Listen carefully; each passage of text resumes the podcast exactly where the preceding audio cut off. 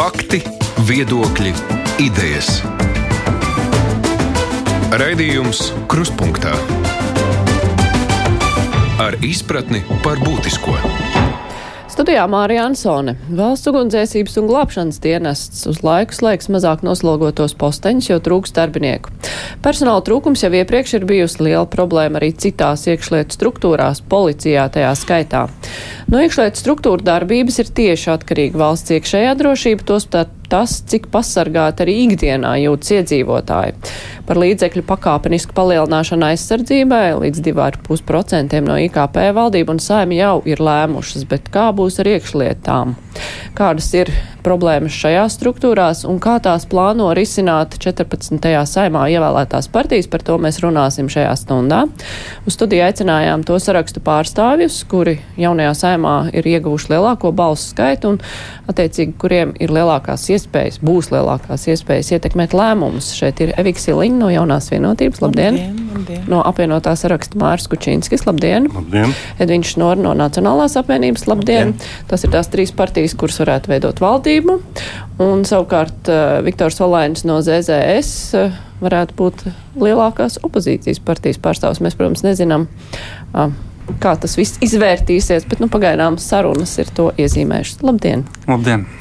Uh, nu tā īsi ievadam, īpaši neizvēršot, bet uh, domājot par prioritātēm. Uh, aizsardzība ir bijusi visiem prioritāte jau pirms vēlēšanām. Tas ir skaidrs. Iekšējā drošība, tas ir līdzvērtīgi aizsardzībai. Ja mēs saliekam, nu, kam ir jāpievērš šobrīd lielāka uzmanība jaunajai vienotībai? Nu, mums gan vēlēšana programmā, gan arī tagad uh, presē uh, atrādītajā memorandā ir paredzēts, ka mēs arī iekšējo drošību vēlamies stiprināt līdzvērtīgi aizsardzībai. Protams, tas uh, temps, kādā to var izdarīt, noteikti ir savādāks. Uh, Bet uh, tieši uz to mēs esam likuši uzsveru arī priekšvēlēšana laikā, stāstot, ka nevar būt tā, ka mēs stiprinām tikai aizsardzību. Mums ir jādomā priekšējo drošību. Tā skaitā, protams, tās ir iekšlietas, bet ne tikai. Bet uh, tieši tā iedzīvotāji katru dienu jūt to, vai ir glābēji, sagaidām vai nav, vai policists atbrauc uz izsaukumu. Uh, ja ir noticis kaut kāds satiksmes negadījums vai zādzība. Tāpat arī robežsargi ir tie, kas katru dienu apsargā mūsu robežu, neskatoties no tā, cik liela intensitāte ir vai nav šīs robežas. Tāpēc mēs arī esam paredzējuši 2,5%, ka varētu sasniegt tātad, šis finansējums iekšējai drošībai un sabiedriskai kārtībai. Un es domāju, nu, tas būs gana liels izaicinājums arī nākamajā valdībā un saimā tiešām to arī nodrošināt un panākt. Apvienotiem sarakstam Ja, nu, ko dod drošība uz robežām, ja nav iekšējā drošība? Tāpēc, nu, ja, ja runā par nākotni un par gaidāmo, nu, es ceru, valdību, tad šīs bija punkts, kurā mums ne mazāko domstarpību nebija. Tā kā mēs ejam kopīgi uz šiem 2,5%, un galvenais ir viņu racionāli un prātīgi iestrādāt uh, arī nosedzot uh, visas vajadzības, kādas, kādas ir. Un, un vienkārši neizdāļājot tā pat vienu. Un trešajai topošās koalīcijas partija? Nu, protams, šajā situācijā iekšējā drošība noteikti svarīga. Mūsu partija arī uzskata, ka tam ir nepieciešams kāpināt finansējumu, ja kas trūkst, attiecīgi arī risinot gan darba spēku, nu, sakot, to vietu trūkumu un tā tālāk. Jo ir pilnīgi skaidrs, ka pēc tātad, šī kara sākuma Ukrainā, ja 27. februāra, un tāpat tās arī pēc uh, Baltkrievijas uh, šīs robežu krīzes, ja mēs redzam, ka iekšējā drošība ir pastiprināti nozīmīga ja, un varbūt savā ziņā atstāta novārtā, jo, ja mēs tiešām skatāmies caur to Ukraiņas prizmu, ja, tad redzam, ka tur ir ne tikai ārējais šis apdraudējums ja, no Krievijas, kur būtu aizsardzība vairāk aizsardzības sektors atbildīgs, bet arī iekšējā drošība nu, no vairākiem viedokļiem. Ja, gan no sabiedrības, teiksim, kaut kāda lojalitātes viedokļa, gan no tā, nu, tīri praktiski, ja notiek kaut kādas lietas, kā Ukrainā, ja, kur, kur bombardē un tā tālāk. Ja tur izvirzās jautājums, protams, par ugunsdzēsējiem, piemēram, mēs, protams, par to arī runāsim. Tā kā eh, ļoti daudz tādas jomas, kas pašreiz, manuprāt, nav līdz galam nosektas, eh, kas būtu jānosedz nu, teiksim, nākamajai valdībai. Un Zaļo zemnieku savienība, jūs būsiet opozīcijā, bet noteikti arī, nu, ja droši vien jūs būsiet opozīcijā, kā pagaidām izstāst, bet arī jums būs jābalso par naudu. Zaļo zemnieku savienība arī savā programmā ir iekļāvusi šos jautājumus kā viens no prioritātiem, tā skaitā arī īsajā programmā. Tas nozīmē to, ka mēs viennozīmīgi par šiem jautājumiem iestāsimies. Un te man jautājums dažiem klātesošiem, kas šobrīd jau veido valdību. Šobrīd valdības politika ir tāda, ka šīs problēmas tiek risinātas uz reģionu iedzīvotāju rēķina, konkrēti uz reģionu iedzīvotāju rēķina. Šie pieprasījumi, ja, ja mēs runājam par depo, ir divus gadus pēc kārtas bijuši. Tā skaitā valdībā skatīti informatīvie ziņojumi, lai nodrošinātu kapacitātes celšanai un arī šiem atalgojumiem, jaunu štatu vietu izveidēji konkrēti finansējumu. Tas jau parāda to, ka vismaz pēdējos vairāk gadu garumā šī problēma ir valdības dienas kārtībā bijusi, par viņu ir diskutēts, par viņu ir brīdināts.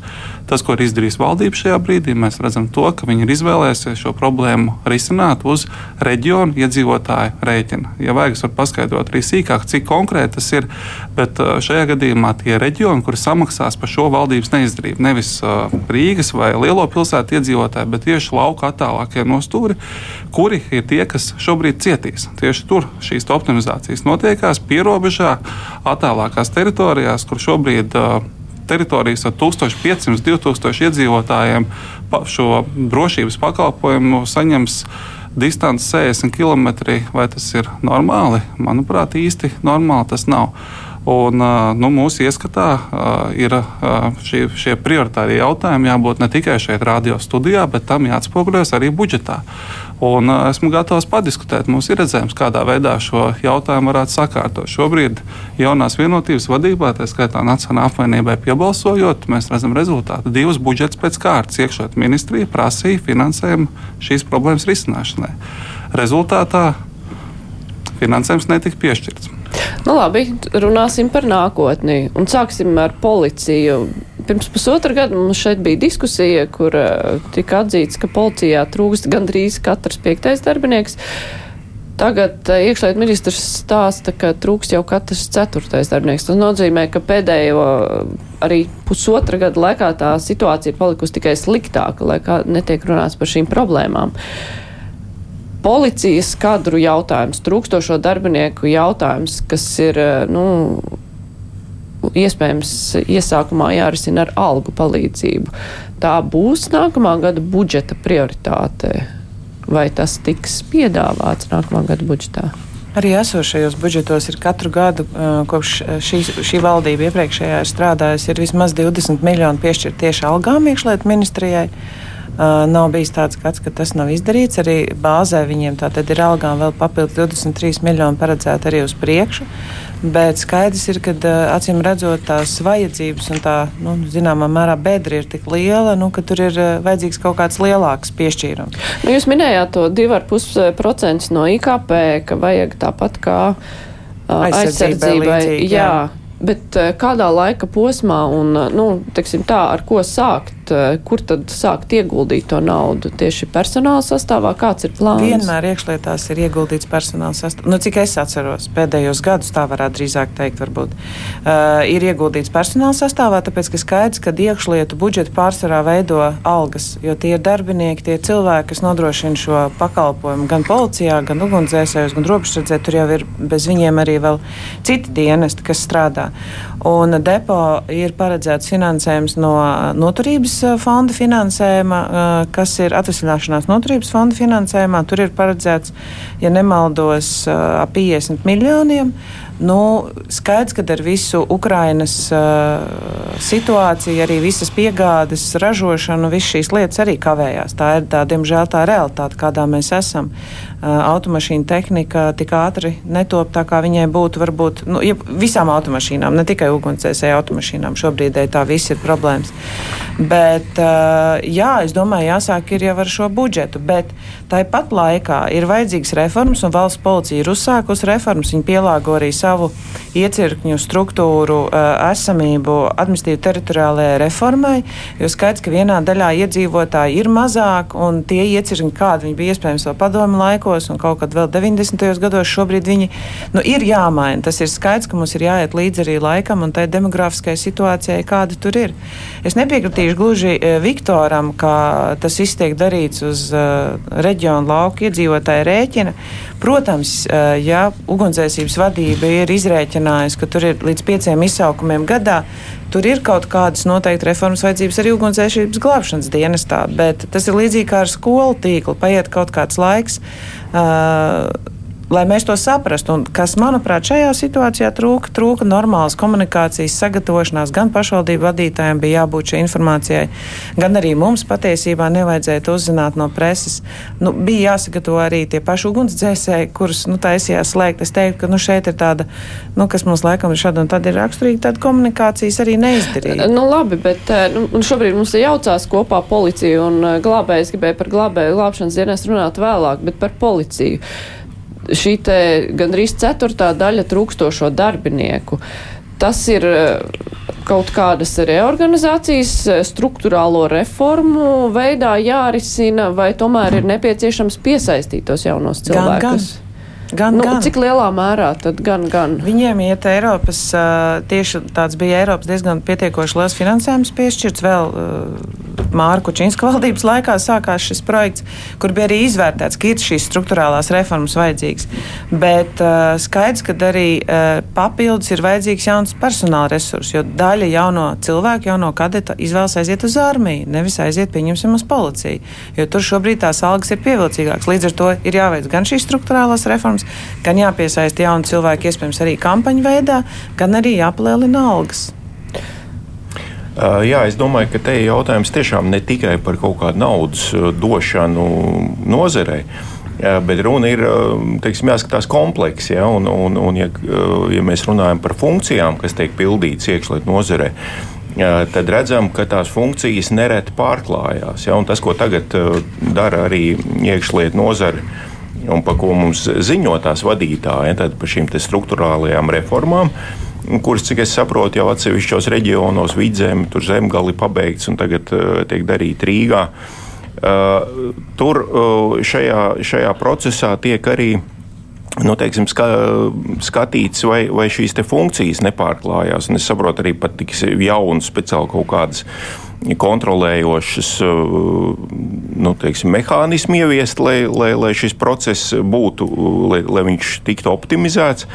Tā kā es domāju, ka šajā gadījumā arī tie darbinieki iespējams būs nepieciešami nedaudz mazāk. Ja? Un vēl pēdējais, kas gribēju teikt, ka mums ir jāskatās, ko līdz šim ir atsevišķas teiksim, struktūras darījušas. Nu, piemēram, mums bija šī te termiņa uzturēšanās atļauja tirgošana. Un tur tika, cik es atceros, liela līdzekļa novirzīti arī drošības dienestam par to, lai uzraudzītu, kā šie cilvēki, nu, ko viņi te dara un kā, vai viņi te kvalificējās tā tālāk. Ja. Tagad, kad tas ir aizvērts, ja, es domāju, ka mums nu, ir ir, ir jārēģē arī dalot naudu uz tiem izaicinājumiem, kāda pašreiz ir? Drīkstiem. Uh, nu, Pirmkārt, manuprāt, visas iekšlietu nozarē notiekošās, īpaši policijā notiekošās reformas, viņas ir pārāk, pārāk aizklātas no apkārtējās sabiedrības. Viņām jābūt atklātākām, un mums daudz atklātāk jārunā par to, kas tur notiek. Šobrīd Zaļo zemnieku savienība mēs esam analizējuši to, kas notiek policijā pēc 2009. gada reformas. Tas, kas veidojās, veidojās situācija, ka mums ir ļoti daudz priekšnieku. Un šiem priekšniekiem ir priekšnieku vietnieki. Un, un, ja mēs panelizējam, piemēram, to pašu 10. maija situāciju pie uzvaras pieminiekļa, trīs policijas darbinieki nerīkojās, un, un tālāk tika analizēts, kas bija tie iemesli, kāpēc viņi nerīkojās acīm redzamā pārkāpuma vietā. Un sanāk tā, ka viņi, viņiem bija jāsagaida pavēle no viena priekšnieka, un tam vienam priekšniekam bija jāsagaida no cita priekšnieka. Un visa šī struktūra izveidota tā, ka tas pats darbinieks, kas fiziski to darbu dara, šī amatpersona, ir atkarīga no vairākiem priekšnieku līmeņiem. Šie priekšnieki, mēs par, pa, pa, paskatāmies zemgālē, vien ir izveidoti 11 jauni priekšnieki. Tas ir pēc šīs reformas. Un, mums būtu atklāti jāskatās un jāsaprot, to, ka tā savā ziņā ir problēma. Ka tie cilvēki, kas ir tie darba darītāji, kas ir tas zemākais līmenis, ka viņi pirmkārt viņi ir nesadzirdēti, otrām kārtām viņi viņi pietiekami netiek novērtēti līdz ar to.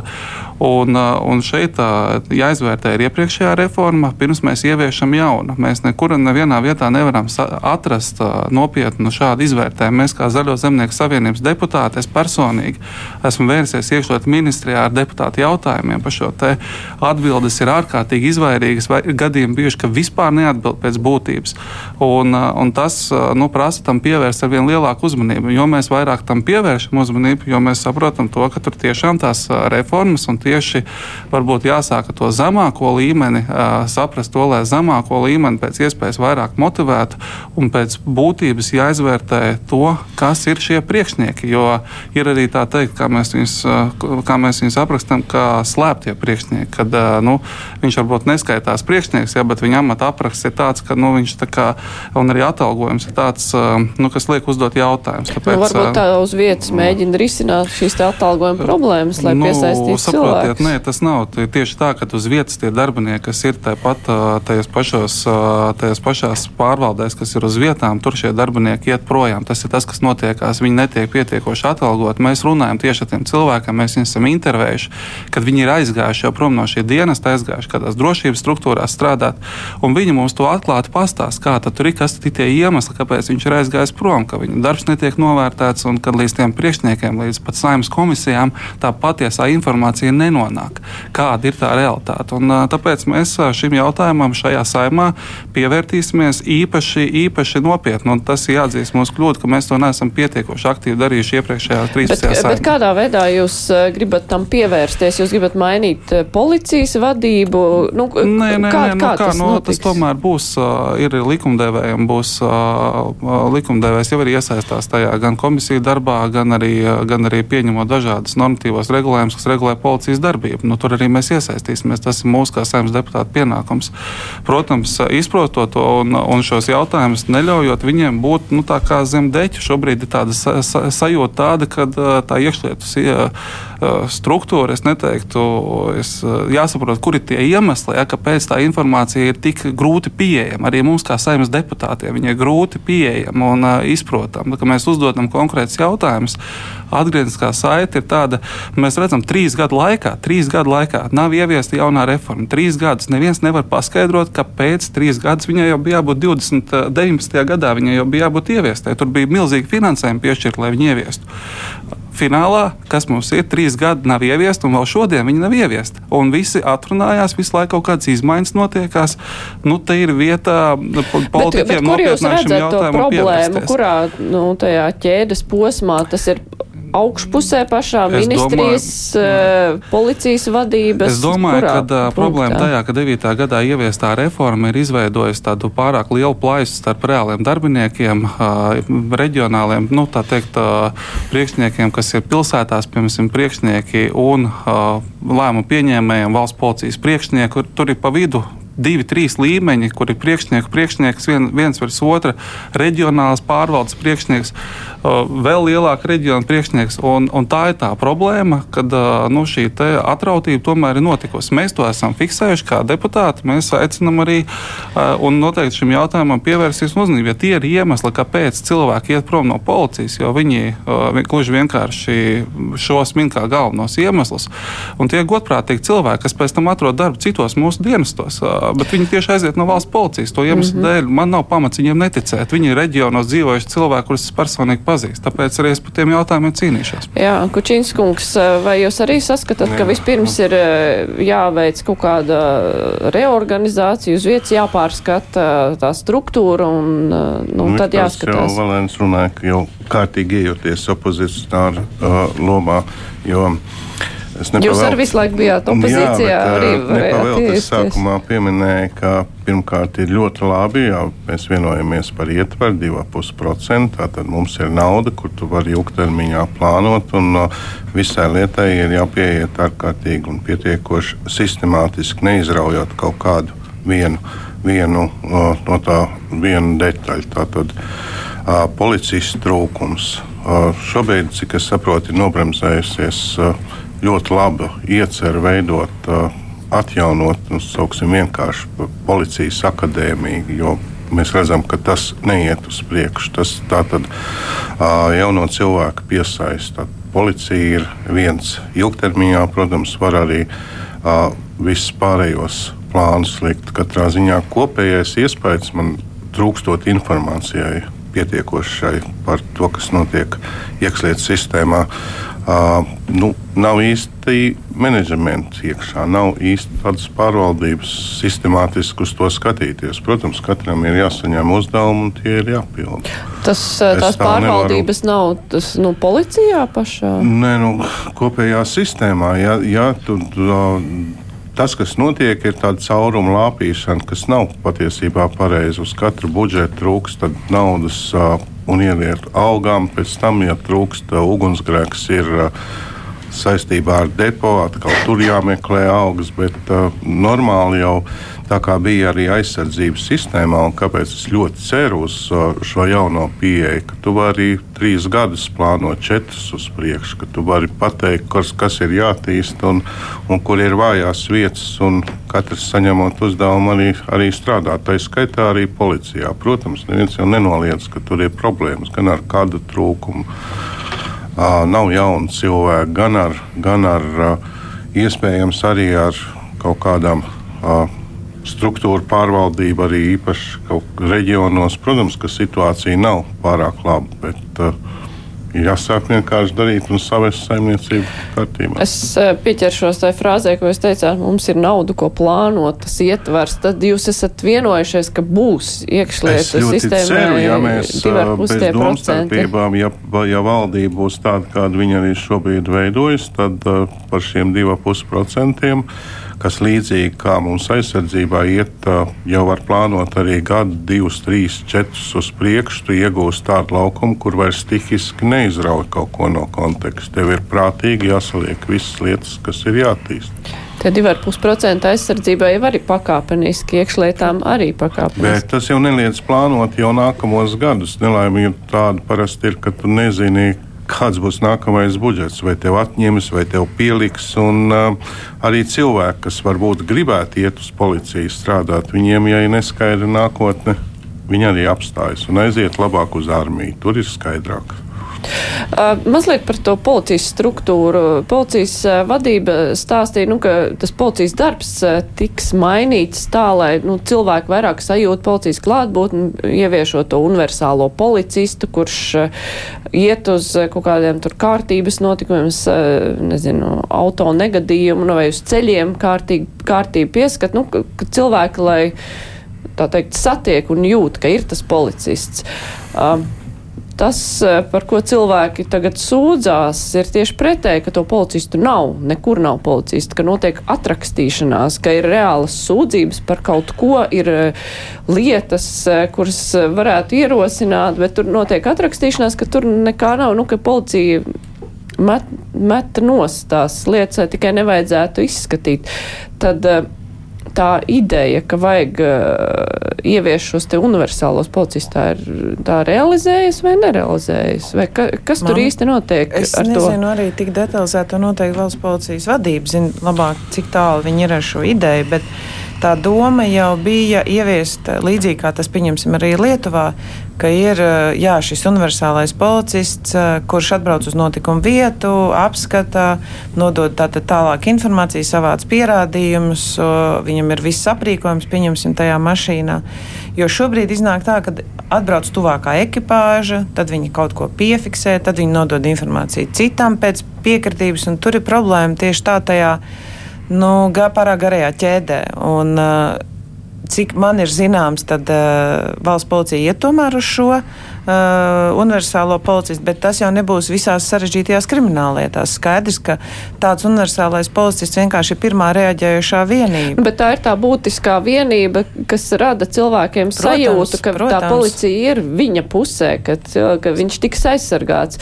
Tad uh, šobrīd neiet īsti ar šo, šo reformas es daļu. Nezinu, to vajag detalizēt. Es, kā jūs teicu, to noteikti zina valsts policija, kā viņiem iet, jo tur viņiem bija gan jāiepērk speciāls aprīkojums automašīnām. tiešām Cik man bija zināms, projekta ietvaros tas pamazām iet uz priekšu, bet tas kopīgais skaits trūkstošo policistu jau diemžēl parādās arī uz ielām, jo kārtības policistu skaitu mēs redzam visātrāk tā ziņā, ka mēs viņus neredzam. Un, ja viņi trūkst reģionos, tad skaidrs, ka kaut kādas nopietnākas krimināllietas uh, tiek izmeklētas. Es pieļauju, ka tur arī tiek resursi veltīti, piesaistīti maksimāli, cik vien var. Un tad tiem vienkāršākiem darbiem izlīdzās vai nu ar pašvaldības policiju vai kā savādāk. Bet to noteikti labāk zina policijas vadība, kā viņi savus resursus menedžē. Bet, uh, ir skaidrs, ka ir jāpārkārtojas. Nu, viņai ir jākļūst digitālākai, modernākai policijai, jo kā jau arī Šnors kungs teica, nu, tā kā policija bija varbūt līdz šim, viņi vairs nav īsti funkcionēt spējīgi. Viņi nevar reaģēt uz visiem notikumiem. Viņiem tas ir jādara digitālā formātā daudz ātrāk. Šobrīd arī tiek izveidots tāds vienotais zvanu centrs, lai arī tādā menedžmenta līmenī varētu ātrāk reaģēt uz notikumiem. Nu, līdz šim faktiski policisti rakstīja notikumus burtnīcās. Mēs to vispār nespējam iedomāties. Jā. Nu, es varu pateikt par šādiem nu, valdības politiku līdz šim, un es ceru, ka viņa šobrīd mainīsies. Ir bijusi par to, ka kārtības policija vispār no pilsētas ielām pazūd. Uh, es, uh, tas apliecinājās pieņemot administratīvu teritoriālo reformu, tam pavadošo pašvaldību likumu, kur pateica to, ka pēc būtības katrā pašvaldībā ir jāveido sava pašvaldības policija. Uh, ja mēs faktiski paskatāmies, uh, kas ir tie cilvēki, kas uh, patrulē ielās šobrīd, vismaz valsts pilsētās. Un, nu, absolūti lielākā daļa tā ir pašvaldības policija. Tās nav, tā nav valsts policija, izņemot no valsts pilsētām, laikam tikai viena, tā ir Rēzekne, kur ir atteikusies, nav dibinājusi pašvaldības policija, visas pārējās ir. Un tur ar to kārtību pēc būtības arī nodarbojās tā pašvaldības policija. Un, un Rīgā vien tie ir ap tūkstoši pašvaldības policistiem, kas to ikdienā dara. Šobrīd tas, ko, tas, ko jūs jautājāt no valdības puses, nav bijusi neviena nu, faktiski uh, rīcība, kas uh, nu, liecinātu par to, ka ir kaut kāda vēlme iet tajā virzienā. Tieši pretēji ir uh, nu, vēlme iet tajā, ka šo, par šo kārtību rūpējās tieši pašvaldības policija. Uh, kas arī nav slikti, tā ir ierasta praksa jau, nu, tie jau būs vairāk, es domāju, kā desmit gadi, ka tas tā ir, bet, uh, bet tas, kas būtu jāstiprina, būtu jāstiprina arvien vairāk un vairāk uh, šo abu institūciju sadarbību, un tas arī veicinātu labāku, nu, efektīvāku šo darbu. Tas, tas, manuprāt, šobrīd vēl joprojām iztrūkst. Ir jābūt sadarbībā, jāstiprina sadarbības ar šīm divām struktūrām, tātad pašvaldībām, ar pašvaldības policijām un kārtības policiju, kas ir valsts policijas puse, lai nav šī duālā darba dalīšana. Piemēram, pašvaldības policija fiksē kādu pārkāpumu, pēc tam sauc ārā valsts policija, lai viņi brauc rakstīt protokolu. Diemžēl ir vēl tādas situācijas, un tas, ir nu, lieka resursu šķērdēšana. Tur nenotiek piekrist. Nu, bet tas, bet, Jūs jau sadarbības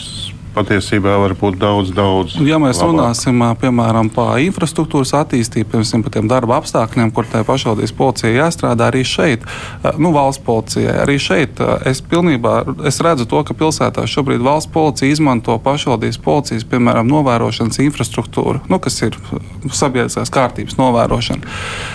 Nu, Tāpat laikā tā sadarbība var iet vēl tālāk, var domāt par kopīgu telpu izveidi, lai viņi arī nu, vienā mājā atrastos. Jo, nu, kopīgi jau viņi dara labu lietu. Viņi cīnās par to, lai būtu kārtība uz ielām. Nu, katrs savas kompetences ietvaros. Un, ja tā sadarbība ar pašvaldībām attīstītos, tad arī šos infrastruktūras jautājumus nav jādara manā ieskatā tikai valstī, ko valstī vienai pašai jādomā, vai policijas māja, pieņemsim, Jālgavā, lai viņi būtu sakārtot. To var darīt veiksmīgi kopā ar arī pašvaldību un attīstīt šos projektus kopīgi un veidot šīs abas struktūras zem viena jumta. Un tas iedotu nu, tādu daudz lielāku pievienoto vērtību, manuprāt. Jā, es arī piekrītu, ka pašvaldību policija un valsts policija noteikti var vairāk un efektīvāk sadarboties. Ja.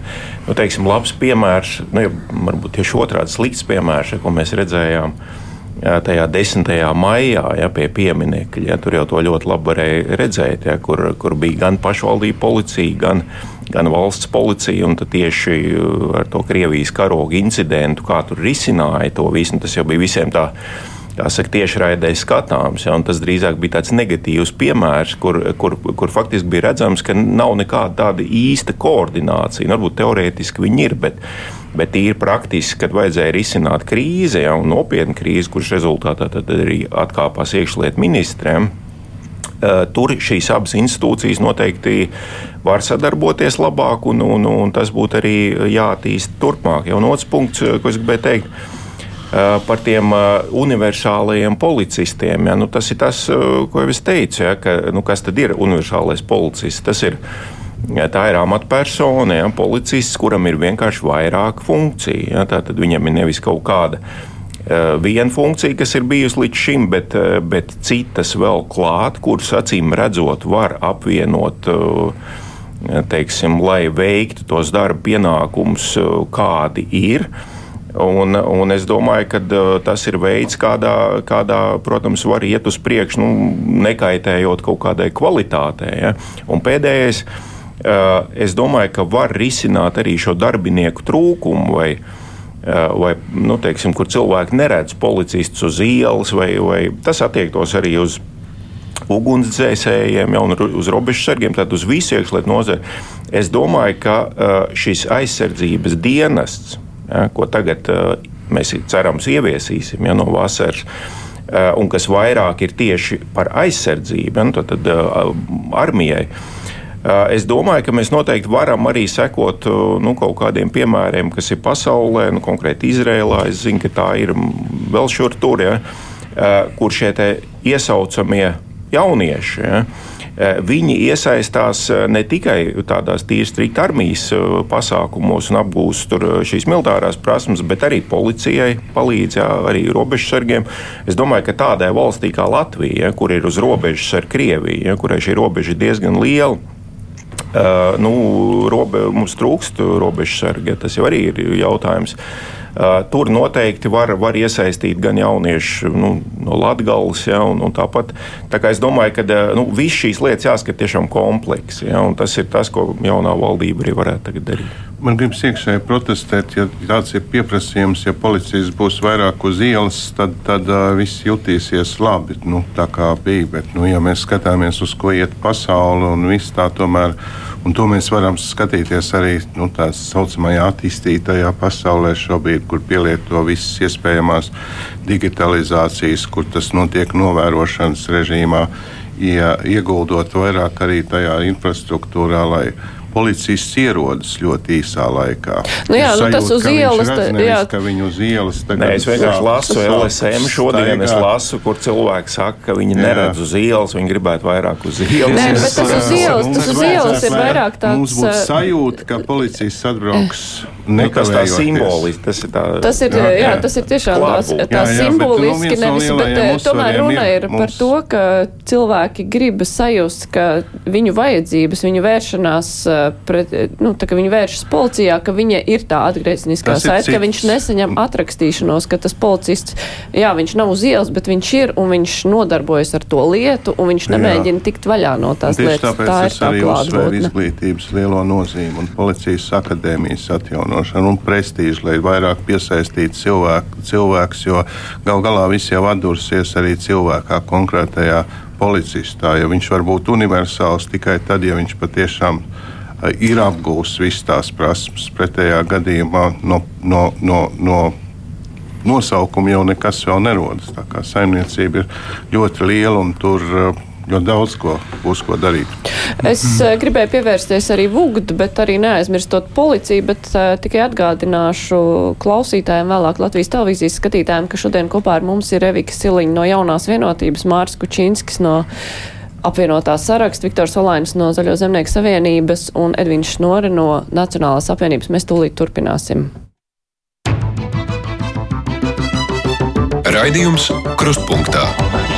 Salīns kundze sākumā pieminēja par VUGD, um, ka šis lēmums bija slikti, ka tas izgāja ar presi par šo slēgšanu, bet uh, nu, ka kaut kādām nu, reformām, tādām tīri kā tā, struktūra, kā dienas ir izvietots tāpat droši vien, ka bija jābūt. Uh, Valēnkungs, jūs savukārt minējāt, ka no tā visa cieša reģioni. Um, mhm. Tiešām, Jā. tiešām nu, tas ir tikai reģioni. Es jums varu parādīt to karti un paskatīties, kurā vietā kartē ir slēgti šie te uh, punkti. Man jums viņus nosaukt. Es varu nosaukt arī radio klausītājiem. Ne, visus neciet. nevajag nu, nosaukt, piemēram, bet... Piemēram, Alsungā, pie Rojā, piemēram, nu, paņemsim, es no Zemgals. Ne, varbūt jūs varat sevišķi, drīzāk kontekstā elējā, ar attālumiem, kā ir palielinājušies attālumi, kā jā, nu, ir jāierodas paņemsim, brigādē. Paņemsim Sēlijā, ja, piemēram, Aknīsti viesītnes, paskatījos skatījos, jā, tur šī brigā, šai brigādē, tu, ja tur kaut kas šajos reģionos notiksies, un tur tieši cits starpā pašvaldību vadītāji ilgus gadus cīnījās par to, lai tur izveidot šos depo, izveidoja, un tie bija svētki vietējā reģionā, kad to izveidoja. Tad šobrīd viņi tiek vērti ciet. Tur sanāk tā, ka tuvākie depo būs 50 līdz 60 km attālumā vai no Jēkabpils brauks, vai, vai, tu, vai no aizkrauklas viens ir 50, otrs 60 km attālumā. Un, un tāpat es varu paņemt šo piemēru Eleja. Arī nu, tā ir diezgan plīva apdzīvota vieta. Tur ir viena no lielākajiem agrotehnikas kompleksiem bāzēta tieši Elejā, kas ir no tīra ir arī no mūsu lauksaimniecības attīstības viedokļa svarīgi, ļoti svarīgi punkti. Un, un tur arī šis punkts tiek slēgts. Tur tuvākais sanāk Jālgava, kas ir nu, kaut kādi aptuveni. Es, nu, tie, tā, tās nebūs desmit minūtes, ko aizbraukt tur. Un es tomēr gribu teikt, to, ka tas ir uz reģiona rēķina, bet, ja mēs skatāmies finansējumu, finansējumu pieprasījumu bija, bija finansējuma pieprasījumi. 20. gadā tie bija 3 miljoni, ko prasīja iekšlietu ministrija, netika piešķirti. 21. gadā tie bija jau 5 miljoni, piešķirts tikai apaļa nulle šim pieprasījumam. Un tas, ka tas tā notiksies, tas ir brīdināts jau bija gadiem.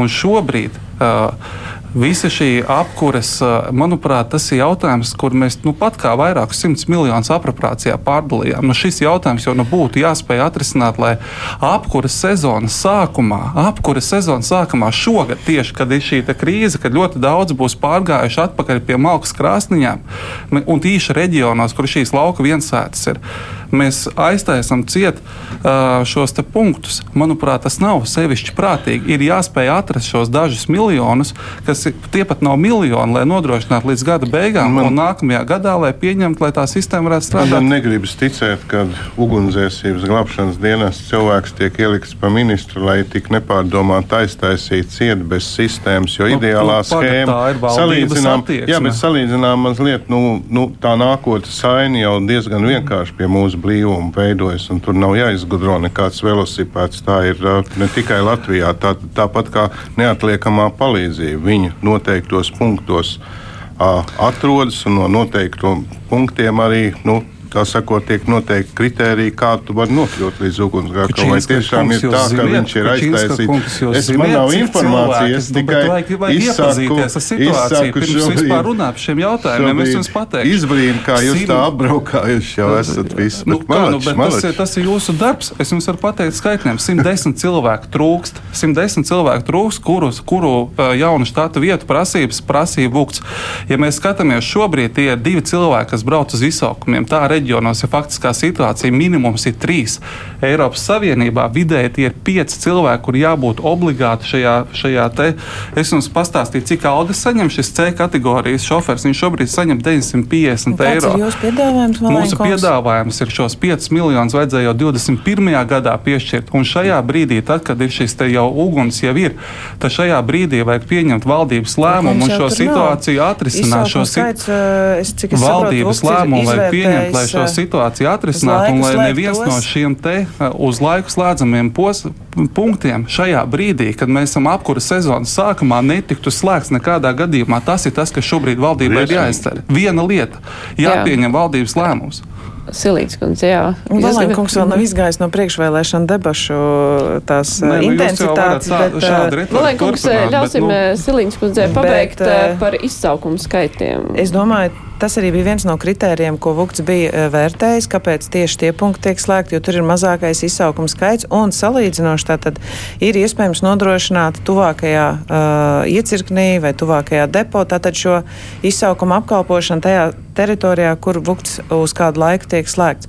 Un problēma jau nav tikai tajā, ka tieši tajos konkrētajos depo trūks cilvēku, viņiem trūks cilvēku arī tuvākajos tālākajos. Tātad uh, tiešām šie cilvēki kļūst mazāk un uh, ir pamainījies arī šis uh, darba grafiks. Astoņu stundu darba diena ir būtiski pamainījis to slodzi, kā ir pieraduši strādāt ugunsdzēsības glābšanas dienas cilvēki. Viņi strādāja pa maiņām, pa trim dienām. Līdz ar to tas vienmēr tā bija bijis, ka viņi varēja savienot šo darbu ar citu. Bet nu, darba likumdošana nosaka, ka arī šis virsstundu skaits nevar būt lielāks par kaut kādu noteiktu normatīvu, jo nu, tas pierāda, ka cilvēks ir noguris un tas ir bīstami laist uz ugunsgrēku, ja viņš ir noguris. Bet skaidrs jau, ka realitātē viņi strādā šajos otrajos darbos. Un tā situācija, nu, Kā jau teicu, ir jāskatās noteikti kompleksi, līdzīgi kā bija ar skolu tīklu sakārtošanu. Mums ir jāveic reformas, bet, kā jau arī minēju, mums ir arī jāspēj skaidrot cilvēkiem, kas tad būs vietā.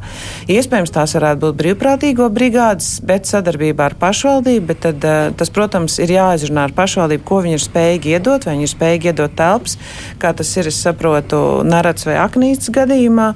Un, uh, valsts viena pati, līdzīgi kā ar policijiem, pie esošā iedzīvotāja blīvuma, pie esošās intereses strādāt iekšlietu dienestos, acīm redzot, ar to netiks galā. Ir tā sadarbība ar pašvaldību jāveic, un, manuprāt, pietrūkst varbūt tāds virziens parādīt, kā tad mēs tālāk risināsim, jo tiešām uz laiku vienkārši slēgt un neiedot iedzīvotājiem šo skaidrojumu, vai mēs meklēsim risinājumu sadarbībā ar pašvaldību, vai ar brīvprātīgiem varbūt arī iztrūkst, un tas rada tādu zināmu satraukumu noteikti arī mūsos katrā.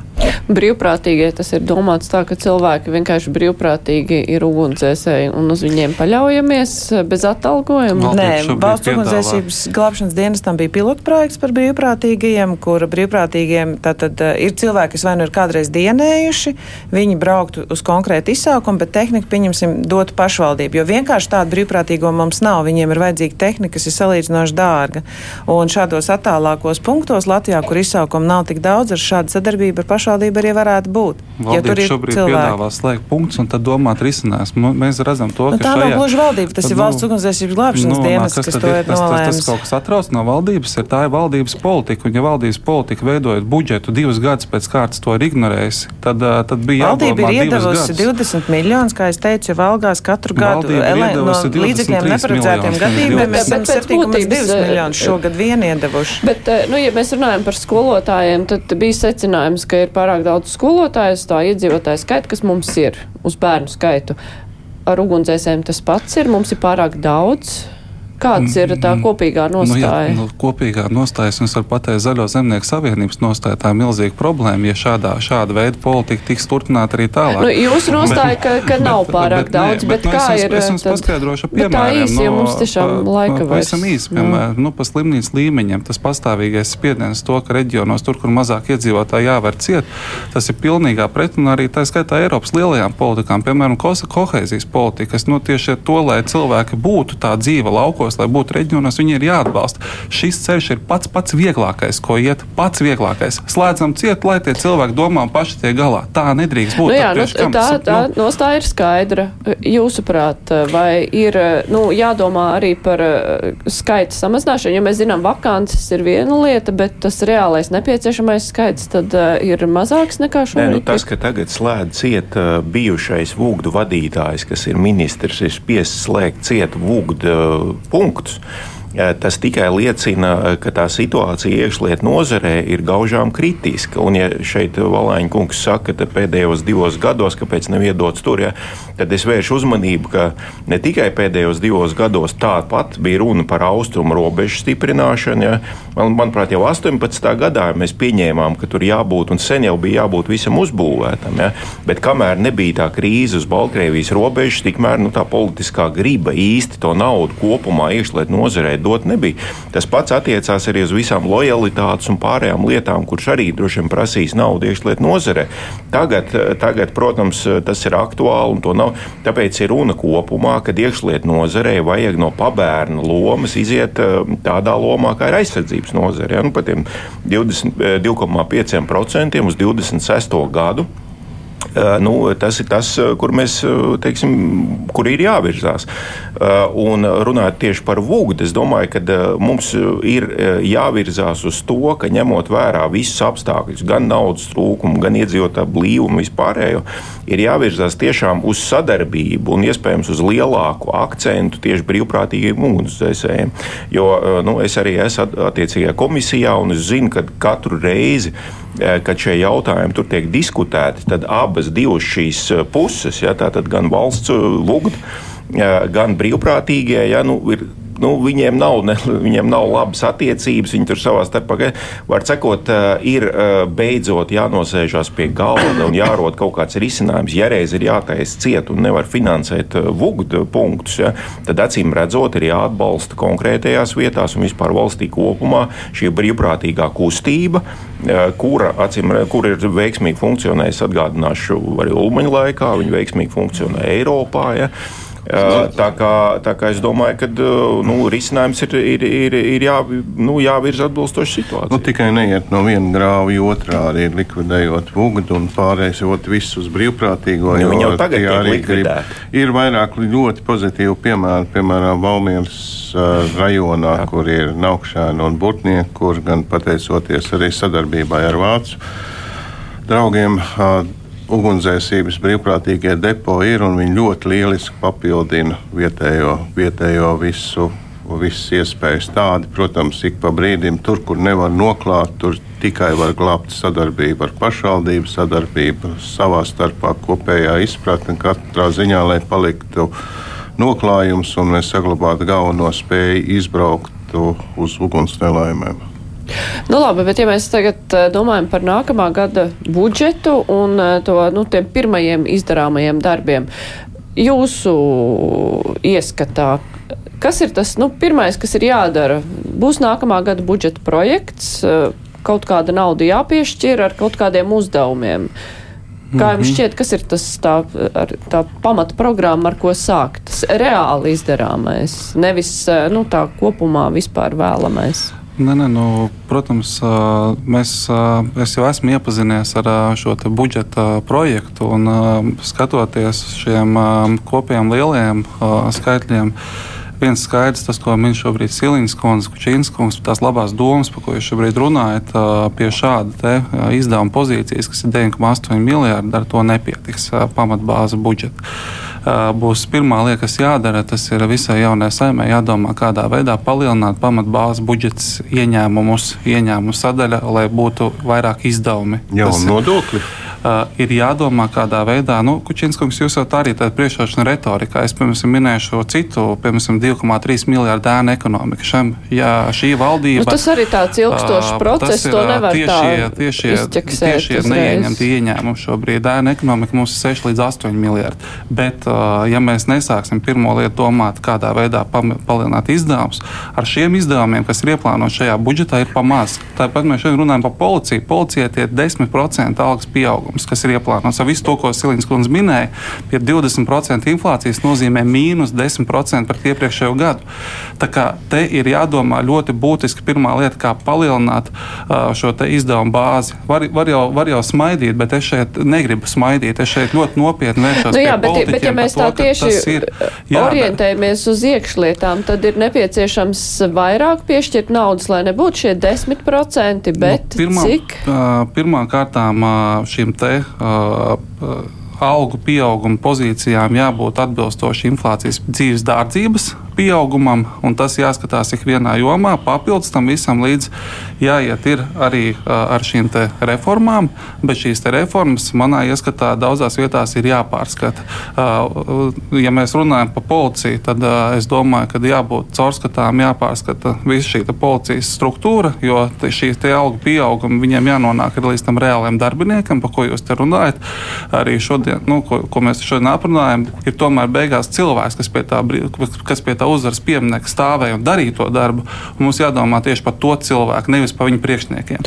Bet tas un, nozīmē, ka tam finansējumam ir jābūt vismaz divi tik, cik ir pagaidām paredzēts. Uh, nu, šobrīd paredzēta 23 miljoni. Es domāju, ka uh, tas, tas finansējums, jā, jūs pareizi sakat, divi tik. Mēs šodien nepieskārāmies daudzām tēmām, kuras vēl man ir uzskaitīts, kur, uh, kur arī šis finansējums gan par tehnikas, uh, tehnikas vienībām mums jārunā. Tās, tās sarunas ne, ne, un pie šāda budžeta tas, tās sarunas beigsies bez rezultāta. Tāpat tā visi būs ļoti neapmierināti. Un es jau par energoresursiem vispār nesākāmies šodien runāt. Galvenā lieta ir šie tieši šie budžeta, budžeta izdevumi, ka šajā brīdī, manuprāt, valdība nav objektīvi novērtējusi situāciju. Viņi ir pārāk mazi. Vismaz divi tik. Tas ir par to būs runa. Tad, kad es jūs domāju, ka tie par 23 miljoni varētu būt par maz. Uh, un Valēņa kungam vienkārši iespējams nav informācija, bet valsts ugunsdzēsības glābšanas dienestā tieši trūkst vadošais personāls. Un, Es un runāju tas par ir- policiju, par policijas runāju. Nu Jā, policijā bet- iespējams ir jāpārskata, kādā veidā uh, nu, ir šīs attiecības starp priekšnieku priekšniekiem. Tam es varbūt arī varētu pat piekrist, bet jāatcerās, ka arī tie ir cilvēki, kas strādā. Un, uh, Tā saimniecība vienkārši iekšlietu ministrē ir stipri lielāka armijā. Tā arī ir tāda liela būtiska lieta, kas jāatcerās, ka es domāju, tur ir gan prestiža jautājums, tad, tad tur jādomā arī par telpu uzlabošanu, jāatrod kaut kādi veidi, kā to var atrisināt, jo bija iepriekšējā laikā mums nu, tāds jau. Tas ir darīts, ka, ja uzceļ jaunu vugdu, tur iekšā ir gan policijas iecirknis, gan vugds, gan iespējams arī zvanu centrs, vai vēl bija doma arī par neatliekamo medicīnas dienestu. Gan tās telpas ir vajadzīgas cilvēkiem normālākas, jo daudz kur nu, tiešām viņas nav tādā labā stāvoklī. Gan sadarbība ar pašvaldībām, es domāju, ir jāuzlabo, jo tā ir tā lieta, kā mums ir jāskatās uz šo. Es nedomāju, ka valsts varēs nodalīt no pašvaldībām, atrisināt vienu pat šo problēmu, jo arī pašvaldībām rūp. Viņi redz vairāk, kas notiek uz vietas. Es domāju, tādā kārtības policijas līmenī, ja mēs runājam par policiju, tas ir nu, kopā ar pašvaldībām jāplāno. Un iespējams daļā arī šo mazāk izsaukumu esošo valsts ugunsdzēsības glābšanas dienestu varētu meklēt risinājumu, kā jau teicu, brīvprātīgie, bet arī, protams, iesaistot pašvaldību, lai tā plānošana būtu skaidra. Jā, bet ar tādu budžetu, kāds ir pagaidām plānots līdz tiem 2,5% no IKP, nu neaizies. Nē, nu, tur nesanāks, jā, Tad tur noteikti ir vajadzīgs kaut soļi kāds- tiks spērti? No armijā jau arī neaizgāja uzreiz. Tātad Uzreiz neaizgāja, bet kaut kādā brīdī bet- tas ir jādara. To nevar atlikt. Nu, skatoties nākamo tad- budžetā, tad uh, topošajam vai esošajam jaunajam iekšlietu ministram noteikti tad arī ir jāskatās, kādas ir tās vajadzības. Es šobrīd nevaru konkrēti summas saukt, es viņas nezināšu, bet uh, tie 23 jau bija iepriekšējā laikā paredzēta algām. Es pieļauju, ka tur tā. tā Lai uzrautu tos 2,5%, bet tas ir ne tikai iekšlietām domāts, tā ir arī iekšējai kārtībai, kas ir arī knāps un finanšu policija. Tur iespējams tā, tas kāpiens būtu nākamo četru gadu laikā vajadzīgs vēl lielāks, straujāks. Tad jūs arī piekritīsiet, ka nākamā gada budžeta projekts ir vēl jāpārstādā, lai tas eh, ātrāk tiktu līdz Nu, tiem. es jau reāli uz to skatos, ka nākamā gada budžets, acīm redzot, pārāk nevar tikt pārstrādāts, jo tam pārāk daudz nav ir laika. Tas nozīmē, ka tas viss šobrīd lēm mums vēl tomēr paliks pašreizējā mums- situācijā mums vēl šobrīd vienu vajadzētu gadu. koncentrēties uz to, kas tiks ierakstīts valdības rīcības plānā un par ko būs vienošanās, ejot sākot no nākamā gada. Es nedomāju, šogad mēs būsim realisti, kaut ko aizlāpīs, kaut ko atradīs, mm. bet uh, skatoties, nu, es tomēr parlamentā esmu bijis ļoti ilgi gan opozīcijā, gan pozīcijā. Tad, tad budžets stājoties. Uh, Mainoties parlamentam, viņš automātiski veco diezgan grūti revidēt un kaut ko vairāk atrast. Protams, būs Un, un, opozi- naci jā, un Nacionāla apvienība, vai jūs gribēsiet, rosināsiet, lai straujāks tas pieaugums jau pa- par nākamo gadu runājot? Es, Nē, nu protams, mēs- nezinu, kuram būs tā iekšlietu nozara no Protams, jums, ka bet centīsies, un tas ir pilnīgi nu, skaidrs, jā, vai protams, izdosies, mēs es esmu centīsimies, bet jebkurā gadījumā tad, mērķis pēc četriem gadiem ir šie te 2,5%. Jā, Bet es vēlreiz uzsveru, ā, ka tam ir jāiet roku rokā ar funkciju optimizāciju. Tas jau pašreiz notiek. Ja tagad ā, iekšlietu ministrijas vadība, policijas vadība optimizē un, un, un veic šo reformu. Līdz ar to es domāju, ka arī tajā šajā procesā mēs eh, varam panākt situāciju, ka nu, teiksim, tās algas tiem palikušajiem, universāliem, kādiem policistiem, ja, visos līmeņos viņas tad pieaug ne tikai tāpēc, ka vienkārši fiziski vairāk naudas dod, bet arī tāpēc, ka funkcijas optimizē. Jā, nu, būs, mums, diemžēl, vairāk laika nav. Ļoti interesanti raudzīties uz arī uz valdības sarunām, kā tas viss tiks risināts, jo nu, tas četru gadu termiņš ir, protams, jautājums, kurā brīdī tad sāk jau tagad tos... var izlasīt, ka turpmākajiem trīs gadiem bāzes projektā šīs labās lietas, par ko šodien mēs šeit studijā runājam, nav ierakstīts. Nu, tā kā, tā kā būs daudz būs darba, jā, daudz darba būs. Jā. Labi, es saku paldies Evika Siliņa, Paldies, jaunā vienotība, paldies. Mārs Kučīnskis, apvienotais saraksts, Viktors Valainis, Zaļo zemnieku savienība, Edviņš Nori, Nacionāla apvienība. Uh, tūpošās saimas deputāti kopā ar mums bija. Rīt par algām arī runās uh, mans kolēģis Aidis Tomsons, bet viņš uh, kontekstā ar arotbiedrībām, cik tās ir aktīvas, jo, nu, ja arotbiedrība labi cīnās par savā nozarē strādājošiem, tad tur arī par algām valdībai nāks domāt. Bet raidījums šodien izskan raidījuma producente Evi Junām, studijā bija Mārija Ansona. Vislabāk!